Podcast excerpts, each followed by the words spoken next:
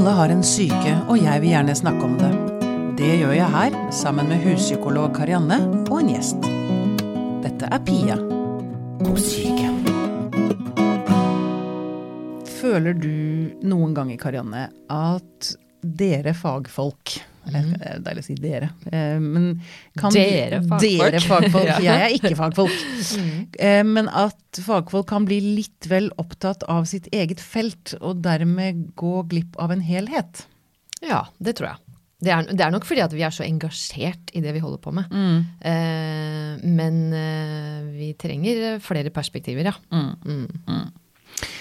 Vi skal snakke om dette fordi det er noen som liksom faller mellom alle stoler. Eh, kanskje spesielt blant barn og unge, altså sånn barnevernsbarn.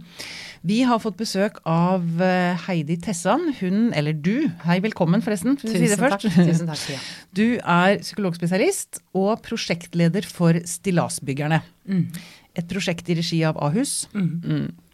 Jeg må også nevne at du også er nestleder i Norsk psykologforening. Uh, det, er ikke, det er ikke den kapasiteten du er her nå.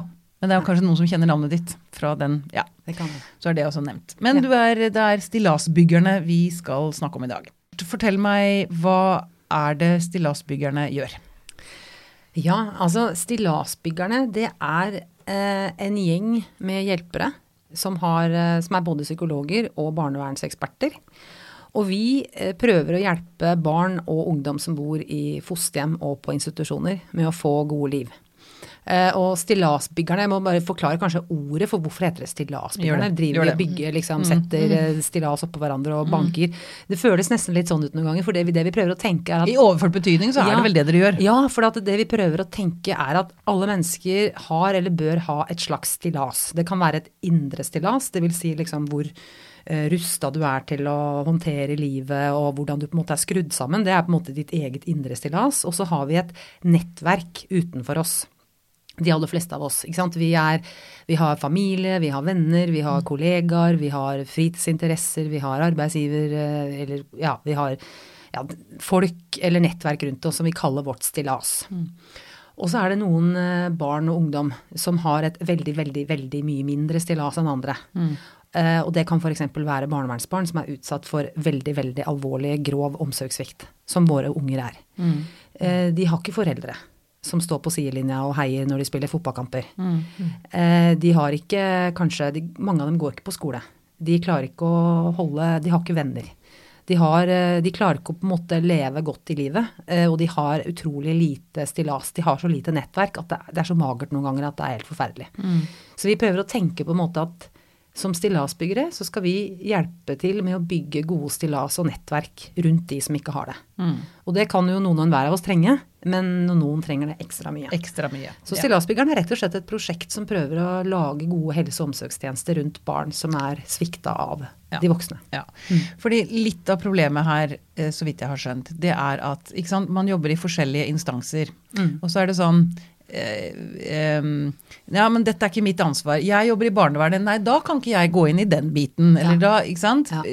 Dette har du, du har fortalt meg om dette. Kan ikke du fortelle det også for lytterne? Ja, det her vil sikkert også Karianne kjenne igjen. Dette her med at vi, vi som jobber i helsevesenet, da, vi, eller vi har på en måte eh, ulike mandat eller ulike oppgaver. Som f.eks.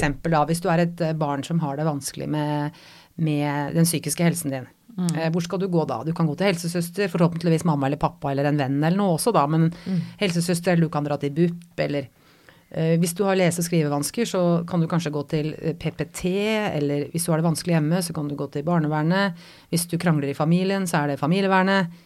Men det er ikke så lett å vite hvilken dør skal jeg banke på egentlig når jeg har det vanskelig, for at det kan jo hende du har problemer med litt av alt det her. Og da er det jammen ikke lett å vite liksom, hvilken dør man skal banke på. Og alle disse tjenestene sitter litt sånn på hver sin tue og har ansvar for hver sin del av livet, på en måte. Men folk lever jo ikke livene sine oppdelt I skott. i ulike skott. Nei, de lever ikke eh, livene sine i ulike siloer eller sektorer. Det er ikke sånn folk lever. Så det er på en måte at når alle har ansvar for hver sin del, så er det ingen som har ansvar for helheten, på en måte. Og da skjer ofte det vi kaller for at man faller mellom stolene. da. Ja. At man blir dytta fra tue til tue. Ja, jeg leser skrivevansker. Ja, nei, da, har- da, må du, da har du banka på feil dør, fordi her hjelper vi til med angst. ja. Eller her, nå setter jeg det litt på spissen, Ja, ja, jo, men du må sette på spissen, det- Men det er fordi for, for oss som jobber i systemene, så virker det så logisk. Mm. Mm. Men når du er 15 år og har det dritvanskelig, så er det ikke så logisk hvilken av disse dørene du skal banke på. Det er kjempevanskelig for folk.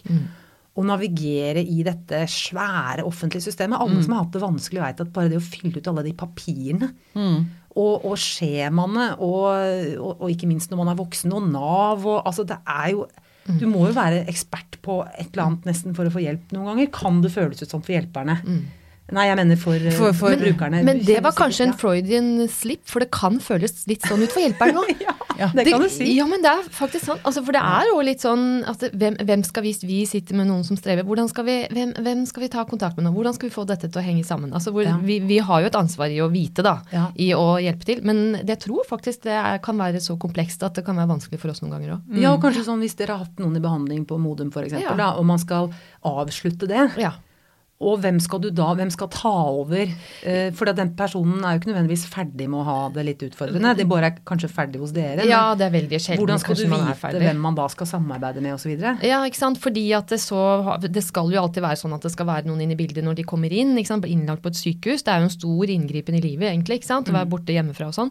Men så kan det jo ha skjedd noe med den behandlinga før de kommer inn til oss. At det så har terapeuten slutta, eller så har pasienten avslutta det. Og så står de da uten noen ting når de er hos oss. Og hvem skal vi da Skal vi ta kontakt med kommunen? Er det en DPS? Er det fastlegen? Og så er det vel antageligvis alle disse da som man skal ta kontakt med, egentlig. ikke sant? Ja.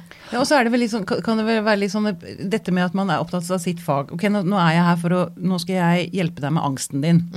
Men så kan det være helt praktiske ting der ute i livet som faktisk er vel så vanskelig som man kanskje ikke kommer på å spørre om engang. Ja, det er veldig godt Absolutt. poeng. Og for barn og ungdom så er det ofte veldig sånne eh, konkrete ting de spør om hjelp til. For Ja. eksempel sånn Jeg vil gjerne ha en venn. Eller jeg må ha hjelp til å gjøre leksene. Eh, eller Altså, de, de, de kommer ofte med en helt annen innstilling til hva det er som er vanskelig, og det, det er ikke alltid heller så lett å beskrive. Jeg tror jeg skal komme med et konkret eksempel. Det er f.eks. en en, en gutt nå, De historiene jeg kommer til å fortelle i dag, de er det vi kaller anonymisert. ikke sant? Sånn at går, Jeg kommer ikke til å fortelle hvem det er. Kanskje jeg bytter kjønn eller alder, eller, men det er i hvert fall folk jeg kjenner. da, Sånn at det skal være mulig å fortelle om dem uten å avsløre hvem de er. Men f.eks. En, en, en, en gutt som har hatt det veldig mye vanskelig i livet sitt. Han har vært utsatt for alvorlig omsorgssvikt av foreldrene sine, som gjorde at eh, barnevernstjenesten måtte ta over omsorgen. Dvs. Si, foreldrene kunne ikke ha den. ikke sant? Alvorlig vold og overgrep som han hadde blitt utsatt for. Og veldig skeptisk til mennesker.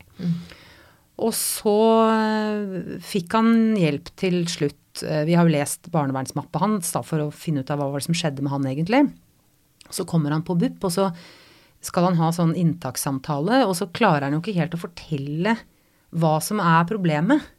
Og ikke har han noe sånn veldig lyst til å få hjelp heller, for han kjenner jo ikke disse menneskene på BUP. Han syntes det var veldig rart å sitte der på dette litt sånn fremmede kontoret og begynne å snakke med fremmede damer om hvordan han hadde det. og Hva føler du nå? Misbruket sitt, liksom. Hva har du blitt utsatt for? Det var ikke så lett å forklare. Mm. Så han ble skrevet ut etter den inntakssamtalen, og så sto det da i journalen at han var ikke motivert for behandling, og han klarte heller ikke å beskrive hva som var problemet, så han kan ikke hjelpe, og så skrev de han ut. Og så er det jo mange som får veldig god hjelp på BUP. Det er det absolutt. Men eh, ikke alle. Hvis ikke man klarer å si hva som er problemet, så er det ikke så lett. Og han ble sendt, så, så følger vi han gjennom barnevernmappa.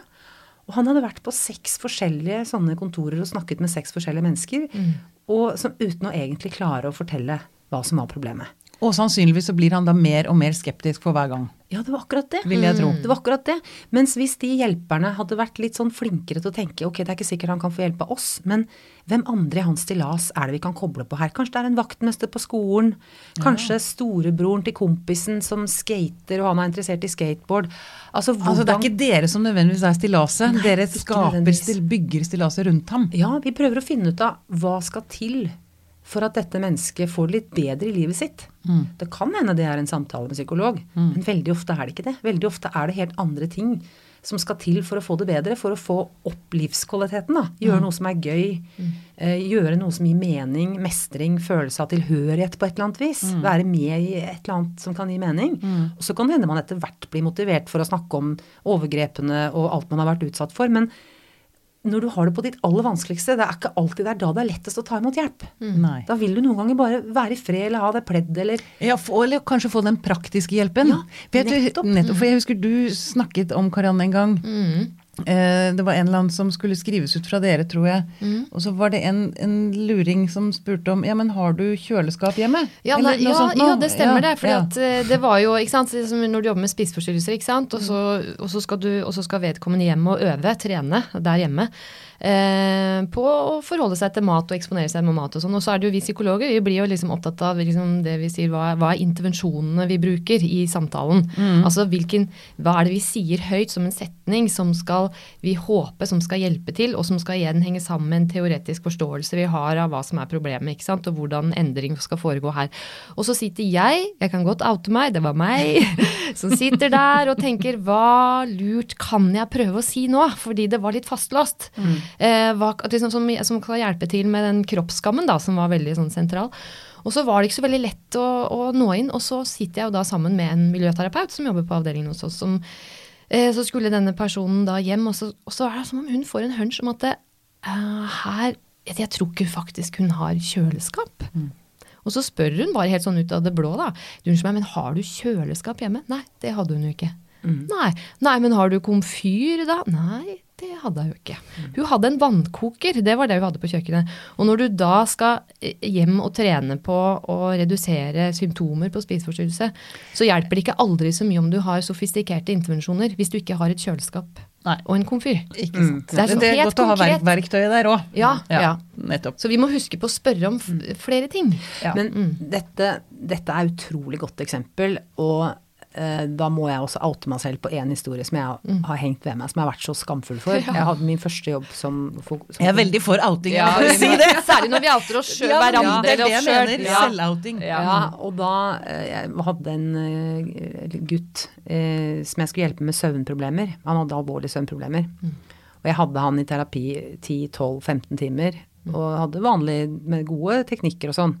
Funka jo ikke, han ble ikke noe bedre. Han eh, ble bare dårligere og dårligere og dårligere. Eller det ble han kanskje ikke da, men, men han ble i hvert fall ikke noe bedre.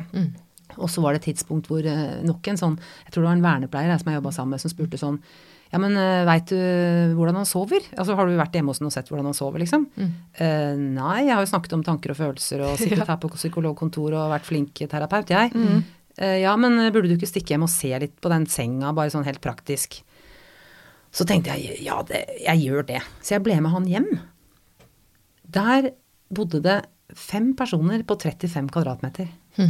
Og han bodde sammen med to andre søsken oppi en seng på 70, kvadratmeter- nei, 70 cm bredde. Og familien hans var utrolig fattige. Så det var jo ikke bare det at han hadde litt liten plass til å sove på, men han var jo også konstant sulten. Så her var det så mye i miljøet rundt han som jo forklarte de søvnproblemene veldig mye mer enn hva slags tanker og følelser han hadde knyttet til og soving som jeg var opptatt av. Da var jeg ganske nyutdanna, da, men jeg bare, det har gitt så innmari inntrykk på meg dette her med at vi har en tendens til å være litt for opptatt av på en måte Det blir litt high flying istedenfor ja, det og litt sånn hvordan individet håndterer tanker og følelser. Og så kan det være veldig mange grunner til at de har det på den måten, og så glemmer vi å se på hva er det som skaper disse problemene i utgangspunktet. Og særlig for barn og ungdom, hvor de ikke har rukket å feste seg så lenge som hvis du er 45 og har slitt med tanker og følelser i mange år, liksom. Men hvis du er åtte, så er det ikke så mange år dette kan ha festet seg. Da er det ofte noen andre grunner. Og det er det vi prøver å tenke i Stillasbyggerne. Hva er det vi kan påvirke av det som skaper disse problemene? Og så gjøre livet litt bedre først. Og så ser vi hva som blir igjen av symptomer på psykiske Problemer, problemer, mm. før vi eventuelt behandler det på et vis. Da. Med mindre det er åpenbart et eller annet som er uoppdaget som de trenger å få behandling for. For jeg er ikke motstander av individuell behandling. Mm. Jeg bare mener at eller vi mener at vi må tenke mye mye bredere i hjelpetiltak. Da. Ja.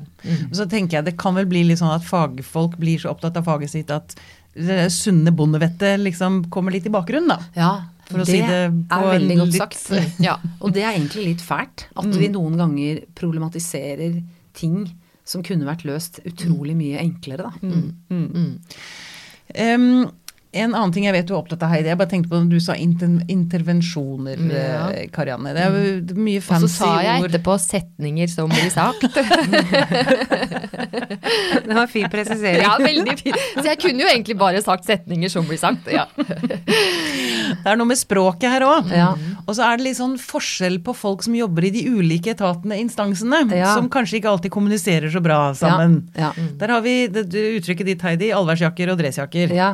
Dette må du beskrive. Du må for, forklare. Ja, altså det er eh, Vi har jo da, ikke sant, eh, som jeg sa i stad, utgangspunktet for vår hjelp er at det er ganske vanskelig å få til å hjelpe alvorlig syke barnevernsbarn, eller barn som har opplevd mange alvorlige ting, fordi de ofte har blitt sendt fram og tilbake i systemene og er litt tiltakstrøtte, er litt lei av å få hjelp, ikke sant. Og da har vi tenkt at en av, ut, og en av utfordringene har vi sett, har vært samarbeidet mellom de som jobber i spesialisthelsetjenesten på sykehusene, legene, psykologene osv., og, så og de som jobber ute på gulvet, barnevernstjenesten.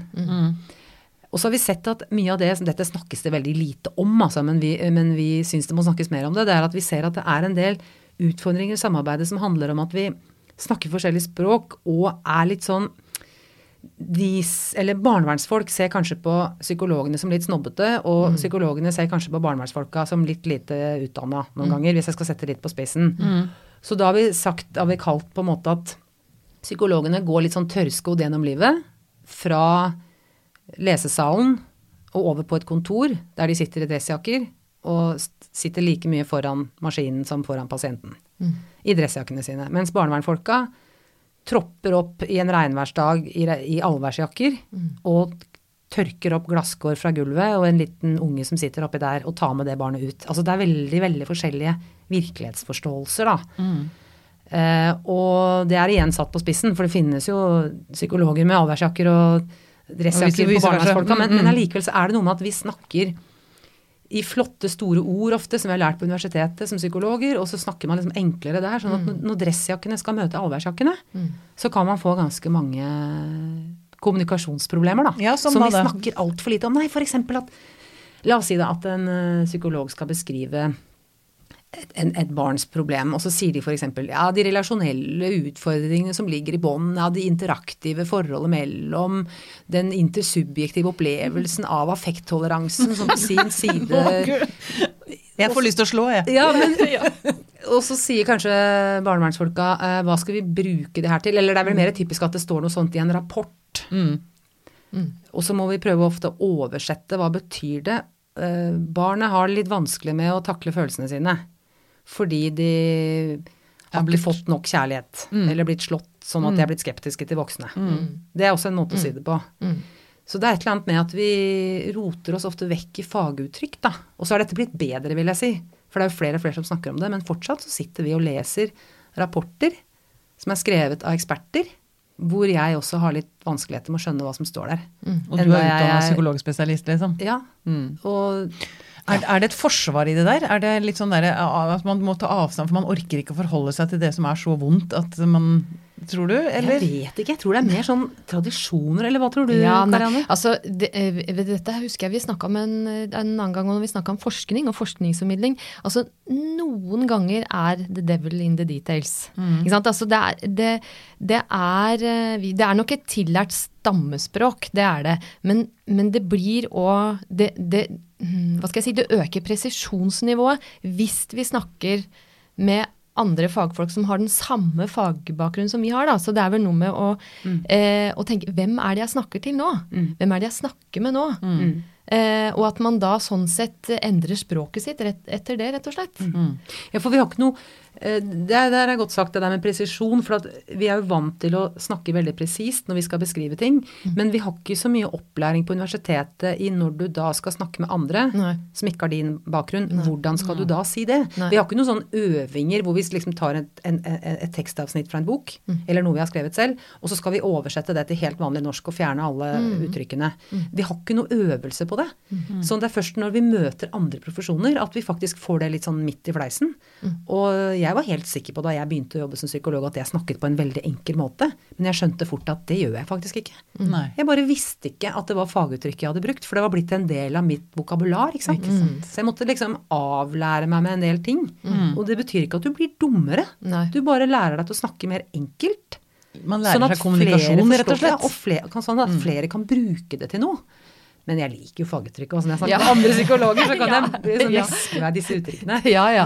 Og så skjønner vi hverandre, liksom. Men, Ja. men, men, men jeg, tror, jeg tror at eh, Jeg har veldig tro på at vi kan eh, definitivt snakke enklere uten at det ødelegger presisjonsnivået også. Mm. Jeg tror, altså jeg tror i, den, i det øyeblikket eh, altså jeg, jeg har hørt en anekdote av Kjell Aukrust som sa at når han, hver gang han satt og skrev, Mm. så tenkte han at én side skal eh, stå i én setning. Mm. Ikke sant? Altså du skal, du skal kunne lese én setning, og der er det en, en hel side som står. Ikke Ja. sant? Da, Komprimert informasjon, Ja. liksom. ja. Mm. Og så tenker jeg sånn, så hvis vi, hvis vi har da denne, denne fagbakgrunnen og bunnen i oss, og forstår hva vi holder på med, og forstår hva vi snakker om, så skal vi klare å si det på veldig enkle setninger. Mm. Og vi jobber med, i hvert fall i vårt prosjekt, ikke sant? vi jobber med barn og ungdom. Hvis Da må man i hvert fall ja, gjøre det enkelt. Det er akkurat det. Og hvis du da skal, eh, hvis du da skal en veldig avansert rapport, en utredningsrapport på hva dette barnet trenger, hvis du da skal tenke at først skal det gå til en eller annen barnevernsansatt som skal prøve å forstå hva det betyr, for å lage et godt hjelpetilbud til det barnet, så skal det gå innom ganske mange ledd før det kommer til det barnet, på en måte. Så du må hele tiden tenke hva er det jeg gjør? Som kan være til nytte for det barnet. Ikke bare noe jeg syns er spennende faglig sett. Men hvordan skal jeg oversette det vi gjør i et terapirom f.eks. over til den virkelige verden? Hva, hvordan kan man få bruk for dette der ute? For det hjelper jo ikke hvor godt fungerende man er inne i et terapirom hvis du fungerer kjempedårlig ute i verden. Så det er et eller annet med den der, det må vi passe på når vi, også når vi bygger stillas. Da. Hva, hva er nyttig for barnet? Hva, hva vet vi om god liv? Hva skal til for at folk får det bra? Du, si meg, eh, dette er jo veldig, veldig sårbare vesener Ja. dere jobber med. Absolutt. Syns du eh, Det høres ut som dere er veldig altså, genuint opptatt av det, men tenker du at barna, de barna som har det verst i Norge, får de god nok hjelp? Nei, det er jo en lissepasning. Det er jo eh, åpenbart eh, svaret nei. Altså, jeg må si at jeg er faktisk skikkelig sjokkert over at de barna som er aller mest sårbare, altså barn og ungdom som ikke har foreldre som kan passe på dem av en eller annen grunn, og som staten Norge har overtatt omsorgen for, det er også noen av de barna som får aller dårligst hjelp i Norge. Hvorfor det? Hvordan, hvordan, det, det- hvordan har vi havna der? Ja. Igjen verdens rikeste land. Ja, det kan du si. Jeg, jeg vet ikke hva det handler om, men bare sånn for å sette det på Bare for å Eller for å Fakta er fra en rapport som ble skrevet i 2015 som heter eh, psykisk, eh, altså Den psykiske helsen til barn og unge på barnevernsinstitusjoner. eh, som er skrevet av Nanna Kayed og Thomas Josefjak. Den, den rapporten viser at 76% av barn som bor på barnevernsinstitusjoner, har alvorlige psykiske lidelser. 76% av dem. Og veldig mange av dem har fått hjelp på et eller annet tidspunkt, men ofte har ikke den hjelpen hjulpet. Så det sier også litt om hvor vanskelig det er. Altså det er vanskelig å gi god hjelp til denne gruppa, fordi de har ofte så veldig sammensatte behov, som ikke bare er på en måte de trenger hjelp til det eller det eller noe konkret, men det er veldig mange forskjellige ting de strever med, både psykisk, men også den fysiske helsen og relasjoner, og det er, Ja, så, det er så, sammensatt. så er det vel det at de, altså, jeg vil anta at man mister tilliten. Eh, at det er vanskelig å ta imot hjelp, fordi man tror ikke faktisk at voksne er ute etter å hjelpe det. Nei, for de har jo i utgangspunktet ikke erfaring med at voksne er gode støttespillere. Og da er det også en veldig mye mer krevende gruppe å hjelpe. Samtidig som at du sa sårbar i stad. Vi, vi ser også at de kan være også veldig formbare på positiv forstand. Da. At de som er mest sårbare, de kan også være de som vokser aller mest med de beste omsorgsbetingelsene. Sånn at det er fullt mulig å hjelpe dem. Men man må komme til tidlig, og så må man finne ut av hva skal til for at du får det bedre, og ikke bare ja, sende dem fra sted til sted da, uten å, uten å snakke sammen hvordan vi skal hjelpe dem. Så jeg tror det er, det er sammensatt, det er vanskelig gruppe å hjelpe, men det er også dårlig samarbeid mellom hjelperne. Som ikke skjønner eh, egentlig at samarbeidet oss imellom kan være med på å skape og opprettholde problemer også. Nettopp, Men jobber dere noe med det òg? Eller jeg hører at du brenner for det. altså Dette med å få disse instansene, etatene, til å samarbeide bedre, da. Ja. Det er 50 år med rapporter som viser at samarbeid mellom hjelpere ofte kan være problemet i seg selv. Ja. Fordi de enten ikke snakker samme språk, eller ikke skjønner hverandres mandat. Og så ender man opp med å sende disse her fra tue til tue, og så blir de skikkelig frustrert fordi hjelperne ikke klarer å samarbeide. Så vi prøver også å hjelpe til med gode verktøy for hvordan man kan samhandle. Da. Hva kan man snakke om? Mm. Hvordan skal man snakke sammen om våre relasjonelle utfordringer også? Det er ganske gøy hvis du sitter på et møte og så starter du med å si at vi veit at dette her kan bli en kule varmt, og det er ikke så lett å få til samarbeid. Hvordan skal vi gå fram for å Mm. få til det? Hvis du starter et møte med å si det, så, så er det ofte som en slags sånn du vet når det er en ballong, og så, hva heter det, når lufta går ut av ballongen. Mm. Ja. Alle kan bli litt lettet over at noen bare sier at dette kan bli vanskelig, kan det ikke? Litt sånn Plumbo. Ja, litt Plumbo. Mm, ja. Så, så ja, vi jobber også med samarbeid Mm. mellom hjelperne. Men du, finnes uh, stillasbyggerne bare på Ahus, eller er det andre steder i landet hvor Foreløpig bare på Ahus. Det er på en måte en helt ny tjeneste som er midt mellom BUP og barnevern. Det er en slags hybrid, kan du si, da. Mm. Av BUP og barnevern, hvor vi har satt sammen psykologer og barnevernsfolk i samme team. Mm. Og så jobber vi opp mot uh, den barnevernstjenesten som har omsorgen for disse barna. Ja. Så vi veileder de til å bli bedre saksbehandlere i barnevernstjenesten også. Det er mye av det vi gjør. Men det høres jo ut som altså, det, Dette høres jo veldig riktig ut.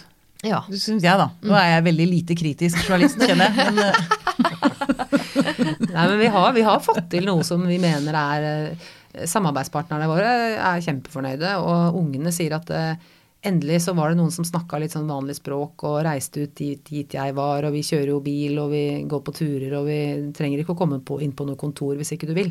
Vi, jobber, vi møter dem der de oppholder seg, der de er og der de ønsker å møte oss. Mm. Og dra hjem til dem eller ut eller sitte på kafé eller går tur eller mm.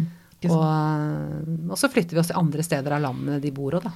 Så hvis de, flytter omsorgs- hvis de flytter fra en institusjon til en annen institusjon f.eks., så kan vi flytte etter. Vi trenger ikke å skrive dem ut. Det er interessant. Fordi det har jo vært også noe av utfordringen. At hvis man flytter til en annen kommune, så, så sier den Nei, nå er vi Da har ikke vi noe mer å tilby. Da er vi ferdig.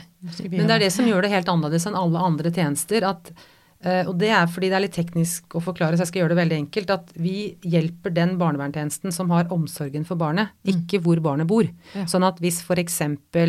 Eh, la oss si en av kommunene vi samarbeider med, eh, har eh, et barn som er i et fosterhjem i en annen kant av landet, så kan vi fortsatt hjelpe til i den andre kanten av landet, Ja. landet. For vi prøver å nettopp ikke ta hensyn til bare hvor barnet bor hele tiden, men hvem som har omsorgen for dem til enhver tid. Så hvis barnet bytter fra institusjon til institusjon, fosterhjem til fosterhjem, så kan vi følge hjelpen etter, så vi får den kontinuiteten. Ja. Dere Så følger barnet, rett og Veldig, veldig logisk ut. Ja, det, Veldig sunt. vi syns jo det, men, og vi tar heller ikke hensyn til hvilken diagnose de har. Mm. Det er ikke sånn at hvis du har atferdsproblemer, så får du hjelp, men ikke hvis du har angst. Eller vi tar ikke hensyn til diagnoser heller. Mm. For vi prøver å finne ut av hva som skal til for å få et bedre liv. Mm. Så um, Men, men det som, liksom, hva tror du som liksom går og vasser i dette her hver dag? Da? Altså, det er jo ikke noe kontroversielt i dette du forteller, Nei. egentlig. Nei. Nei, det er Så- helt igjen sunt bondevett, ja, tenker det er, jeg det er det Så som er så gøy med modellen. At Ja. vi har tatt liksom Hva tror vi funker, Ja. og hva vet vi som psykologer, og hva som er gode liv? Ja. Og så har man gjort det samme med hva vet vi funker innenfor barnevernet, og hva vet vi funker sånn samarbeidsmessig eller organisasjonsteori, da. Ja. Så har vi tatt på en måte det vi tror funker fra de tre tingene, og så har vi satt det sammen. Ja. Og så har vi rista det sammen med sunt bondevett. ja. Og så har vi kommet opp med en modell som vi har kalt Stillasbyggerne, da. Mm. Som vi mener er en slags, ja, slags sånn sunt bondevett satt i system. For det er klart, Ja. Oppdager vi alvorlig lidelse, det gjør vi, så behandler vi jo det eller henviser til riktig instans. Vi oppdager at folk blir utsatt for rus i svangerskapet f.eks. Aldri vært oppdaget før. Så vi har jo absolutt et psykologfaglig blikk på det. Mm. Vi bare prøver å tenke hva kan den enkleste og beste løsningen være til et veldig tiltakstrøtt barn som har vært hos åtte psykologer før. Mm. Det er ikke sikkert vi skal gjøre det samme som har vært prøvd mange ganger før, som åpenbart ikke har funka. Hva kan vi da gjøre? Nei, for Det, er veldig- det syns jeg var veldig forstemmende du sa i sted. Altså, at det står i en journal at barnet er behandlingsresistent og vil ikke ta imot hjelp. Altså, da blir jeg helt sånn her Åh, jeg merker at Ja. det- man synker liksom sammen i Ja. Og det er noen ganger utrolig vanskelig. Vi hadde en hvor eh, psykologen hos oss, hun brukte Altså hun kjørte bil i kanskje to år med den personen før egentlig begynte å fortelle noe om hva som var Akkurat. Så det er veldig vanskelig noen ganger Mm. å hjelpe barn og ungdom som ikke egentlig vil ha hjelp, men den personen ville gjerne kjøre den bilen, da. Og Ja. kom tilbake på gang på gang på gang, på gang, og så var det drypp, drypp, drypp. Og så til slutt så fant den personen ut at ok, jeg kan faktisk stole på henne, hun er her fortsatt. Da kan jeg begynne å fortelle litt. Så det kan være veldig sånn eh, tålmodighetskrevende arbeid, altså. Ja. Det tenker jeg kanskje er eh, litt av problemet som jeg kan se. Er at eh, også i helsevesenet at man vil ha sånne quick fix. Altså man tror at ting skal løses veldig fort. da. Eller man vil gjerne det for å spare penger, kanskje. Men det tenker jeg som du som jobber med spiseforstyrrelser og Karianne, eller ja, traumer. Altså det, ting tar tid. Absolutt. Det er noe med å akseptere det. Mm, mm. Og så, ja, absolutt. Og det er, så det er noe også da med å, når man skal behandle det, tenke at den, eh, det vi gjør nå, det er et ledd i en lengre kjede som helst bør henge sammen, da. Ikke sant? Nå er vi inne med akkurat dette her og nå, og så må det videreføres til en annen eh, instans eller en andre personer, eller så skal vi helst ha snakka sammen, da. Men det, eh, for, for det jeg blir veldig nysgjerrig på i forhold til den modellen dere har, er eh, når er det når er det dere bygger stillasene ned? Ja, For det det, er- jo veldig viktig Ja. å gjøre på et tidspunkt. Ja, vi har en modell som vi kaller for eh, stillasmodellen, da, som er eh, analysefase, styrkefase, byggefase og vedlikeholdsfase. Ja. Og da vi har barna i forskjellige grupper ettersom hvor god vi tror at planen for eh, oppfølging er. Rød, gul og grønn gruppe. Så hvis planen er god og problemene kan være store, men planen er god, så havner de i grønn gruppe. Og hvis eh, alt går helt åt skogen og de faller mellom alle stoler, så er de rød gruppe. Mm. Og det vi gjør er at vi eh, bygger opp nettverket, og når vi ser at nå er det flere som har liksom eierskap til dette, det det er et nettverk som står der, det er personer på plass, de har fått hjelp på et eller annet vis, så går vi inn og analyserer selve stillaset, som vi sier det, og ser hvilke bærebjelker i stillaset er det som er solide her. Har vi noen på plass nå som ser ut til å være viktige støttespillere? Mm. så, så vi prøver å identifisere sårbare punkter i stillaset, på en måte og bærebjelkene. Og så prøver vi å gjøre så mange som mulig litt sånn sterke. Og når vi ser at det funker, så trekker vi oss gradvis ut. Og ofte så går det fortere enn man tror. For det, det som er eh, størsteparten av jobben, er å analysere hvor er egentlig mulighetene her. Hvem er det vi kan koble på? Hva er det som ikke har vært forsøkt? Mm. Så vi trapper det ned når vi ser at det andre har fått eierskap og på en måte føler at ja, fordi vi vil ikke bli en del av stillaset selv. For hvis vi da trekker oss ut, så detter det sammen. Det er nettopp Så det. det er også litt nytt med vår modell, at vi på en måte prøver å bygge opp veldig mange av de andre rundt. Mm. Men vi avslutter dem fortsatt ikke, vi bare setter dem i grønn gruppe. Mm. Og så følger vi med på hvordan det går. Så vi skriver aldri noen ut. Så vi har cirka, Aldri, aldri, aldri. Nei, vi har ikke gjort det til nå, men nå har det jo bare vært siden 2015, da. Mm. Eh, og vi har altså. mange i grønn gruppe som vi da følger opp i ny og ne. Men, men vi har 250 barn i prosjektet nå. Mm. Eh, Vi skal utvide nå så vi får 300 barn snart. Seks kommunale barnevernstjenester. Og av de 300 så er det jo ikke mer enn rundt sånn 20 barn cirka som er i rød gruppe, som vi kaller det, hvor alt har gått helt åt skogen. Men vi har jo veldig, veldig mange på gult, hvor det er hele tiden fare for at noe kan gå gærent. Og så prøver vi da å putte på litt innsats og stillas i ny og ne, og så ser vi hvordan det går. Men det viktigste er at folk ehm, får ofte til utrolig mange bra ting selv. Du trenger ikke alltid ekspertene for å løse opp i alt, men ekspertene kan hjelpe de som står nærme i stillaset, til å fungere som bedre venner eller bedre foreldre eller bedre lærere. Eller hvis alle sammen eh, gjør litt bedre det de allerede gjør, så blir det til sammen veldig mye bedre enn én en enslig psykolog klarer. Ja, og så er det vel noe med dere gir også en trygghet på at de gjør ting riktig. Altså de som står rundt. At, eh, Ja, og, det var og- fint at du sa, for det sier de faktisk til oss. Ikke Det er så digg å ha dere i ryggen. For da vet jeg at jeg Jeg ikke tråkker jeg- feil, ja. for det er jo, tenker jeg, kan være veldig skummelt. Ja, og så kan vi oppdage hvis noe holder på å gå skikkelig gærent. ikke sant? Hvis et fosterhjem sier at vi orker ikke mer, vi klarer ikke mer. Så kanskje vår oppdrag er å få dem til å orke litt til, og prøve å finne ut av hva er det som gjør at de ikke orker. Kanskje det er helt enkle forklaringer på det. Og, så, og så kan vi dempe det ned igjen. Så vi øker innsatsen opp og ned Ja. ettersom hvor godt fungerende stillaset er. Ja. Og det er en veldig effektiv måte å hjelpe folk på. Veldig, Og så vil jeg ikke undervurdere- eh, undergrave at vi også driver terapi og hjelper, og det er alvorlige psykiske lidelser og sånn. Vi må ikke undergrave det heller. Det er ikke alt som fikses med en crossykkel. Men ganske mye, faktisk. Det er det som er det, er det det som skal til. ja. Men, Men det si meg ja. ja. Nei, kom Nei, igjen, jeg bare, nei, jeg, det eneste som bare detter inn her, altså det er vel det- den her, det her uttrykket med at it takes a willis to raise a child, det er vel aldri så sant som når dere snakker om stillasbyggerne deres? Ja, det er sant. Veldig bra. Det er nettopp det det. er- ja. En hel landsby for Ja. å hjelpe et barn. eller- Og det, det er det vi prøver å få til, da. Ja. Å bygge gode landsbyer. Og det gjelder jo for alle mennesker. Det er jo Det vanlige livet vårt er jo også egentlig sånn at vi er har stillas rundt oss. Vi bare tenker ikke over det stillaset, fordi vi er så, det er så selvsagt for oss. Ikke Men når du ikke har noen, Mm. Så kan en eller to være utrolig mange flere enn null, da. Mm, ikke sant. Du, um, Heidi. Um, jeg har lyst til å vite, eller du har i og for seg vært inne på det, men det er mulig du har en sånn oppskrift, sånn suksesskriterier for å, å hjelpe disse barna, har jeg skrevet opp. Men så lurer jeg på, konkret, hvem er disse barna? Dere Ja. hjelper. Det er barn som er foreldreløse. Det er én gruppe. Ja, altså de er ikke nødvendigvis foreldreløse, men men, at, de har at blitt foreldrene ikke kan ta vare ja, på dem. Ja, Mm. det er, det er barnevernstjenesten som har overtatt omsorg for dem. De er mellom 0 og 25 år. Mm. De er som regel ungdommer. For at hvis det er veldig veldig små barn, så har de jo ofte ikke heldigvis utviklet så store problemer ennå. Hvis man har klart å overta omsorgen for dem når de er nyfødte f.eks., så kan det jo ofte gå veldig mye bedre enn hvis de er 15 og veldig skada. Men det er ofte ungdommer mellom 13 og 19-20 år. Eh, De bor ofte da i fosterhjem eller på institusjoner. Og de barna vi hjelper som har det aller vanskeligst, de har hatt veldig mye hjelpetiltak inne før som har vært prøvd og som har vært mislykka. De har ofte de har ofte store relasjonelle vansker. Altså de klarer ikke å stå i relasjoner, de klarer ikke å ha venner over tid. Eh, De fungerer dårlig på skolen. De ruser seg ofte, prostituerer seg, mye selvskading, eh, spiseforstyrrelser. Eh, Så de er mange av de, altså de som er i rød gruppe hos oss, da, som har det aller vanskeligst, de, har, de er ordentlig De har det ikke bra i det hele tatt. Men Men hvordan havner de hos dere, da?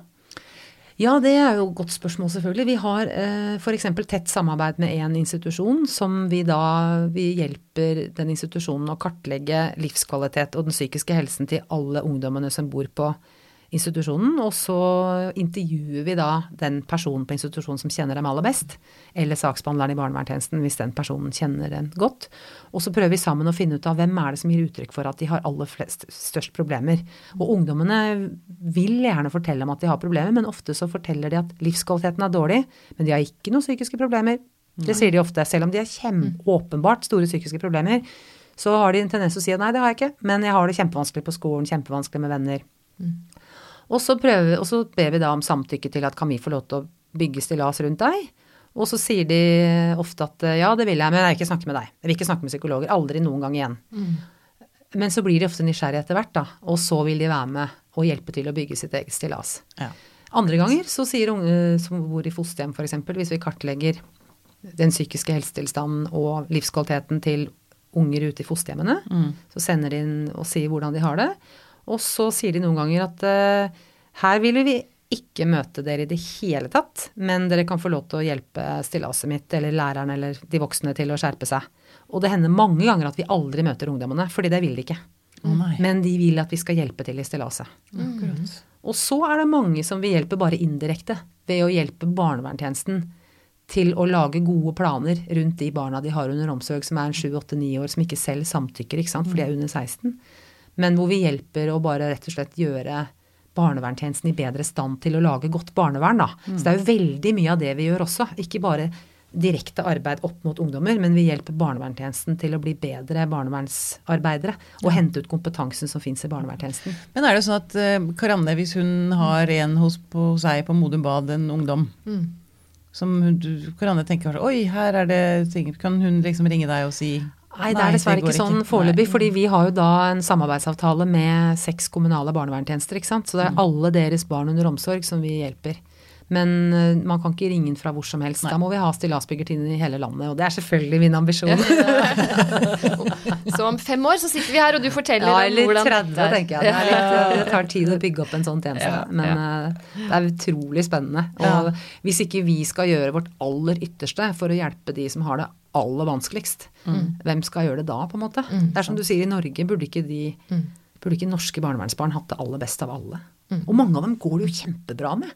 Selv med elendig utgangspunkt, så går det fantastisk bra. Det har vi helt glemt å snakke om, alle de ressursene som fins. Det fins enormt med ressurser, men utgangspunktet vårt er selvfølgelig veldig dårlig. Hvis ikke kommer vi jo aldri vi, vi, vi, møter jo ikke så mange av de som det går skikkelig bra med. Derfor så blir det naturlig nok at vi snakker mest om de det går veldig dårlig med. Ja, ja men sånn er det. Sånn er det. Men, det. men, jeg hører jo da er det faktisk sånn at eh, de kan være med veldig mye og bestemme sjøl om de vil ha dere der eller ikke. Å ja. ja, de må samtykke. Ja, Hvis de er over de 16 må de, bestemmer det rett og de bestemmer det selv. Ja. Og, men, eh, men mange av dem er jo under 16 år, og hvis ikke vi skal snakke med dem direkte, så, så hender det at vi hjelper som sagt veilede saksbehandlere, da. Men alle barna som vi møter, de er jo involvert selv i hva den hjelpen skal bestå i. Vi må jo ta utgangspunkt i deres utviklingsprosjekt, som vi kaller det, da. Det de er opptatt av. Apropos skating eller hva det nå er. Eh, og i de aller beste tilfellene så starter vi kanskje et sånt samarbeidsmøte med at ungdommen sitter inne i hjørnet med hettegenser Ja. godt over og sånn, og så ender vi kanskje noen måneder etterpå med at ungdommen sitter øverst ved bordet og har laget agendaen selv. Ja. Det er jo det Ja. vi ønsker, selvfølgelig. Ja. At vi skal bli ordentlig sånn eierskap. Ja. Og driver og dirigerer de voksne. Det er Ja, veldig gøy ja, det var et fint bilde. Da snakker vi om at egenverdet liksom får lov til å blomstre. Absolutt. Det er jo det vi ønsker å få. Og livskvaliteten skal opp. Det er målet vårt. Vi skal fange opp og følge opp barn med psykiske problemer. Vi skal sørge for at de får bedre livskvalitet, og vi skal bidra til bedre samarbeid. Det er liksom de tre målene vi har, da. Og jeg sa i sted suksesskriteriene. Kan du sammenfatte suksesskriteriene for at et barn Være opptatt av ungdommens eget prosjekt. Hva de vil med livet sitt. Det er kjempeviktig. mm, sørge for at de som står nærmest i stillaset, blir trygge, stabile, gode voksne som, er, som tåler en trøkk. Mm. Sørge for at de som samarbeider rundt barnet, snakker sammen på en ordentlig måte, og ikke driver og krangler om hvem som skal hjelpe til, eller hvem som har rett, eller hvem som skal betale, og sånn. Eh, og eh, ja, være et vanlig menneske som bruker vanlig språk. mm. Og kjærlighet og varme. Klemmer. Være raus og varm og trygg. Det er eh, kjempeviktige kriterier for at folk skal ha det bra. Og, og koble på livet. Venner. Sykler. Lærere. Ting som er godt i livet. Spise nok is. Det er eh, en del sånne ting som er viktige, altså. Ikke lage altfor mye trøbbel ut av ting. Jeg tenker um, dette er et prosjekt som er så veldig fylt av håp. Og, altså, det, her, det, det er en sånn lys det er så, ja, men det er så mye som er så kjipt i livet, liksom. Her, jeg blir glad av å høre på deg, da. At Det er fint når vi snakker om alvorlig barnevern, hvis det er det Ja. som kan være Ja. effekten. Det var vakkert sagt. Ja, det var bra. Nei, men er du ikke enig? Jo, jeg er helt enig. Det er håp og kjærlighet, Og Kjærlighet. faktisk. Mm. Veldig bra. Heidi Tessan, tusen takk for at du kom til oss. Tusen takk for at jeg fikk komme.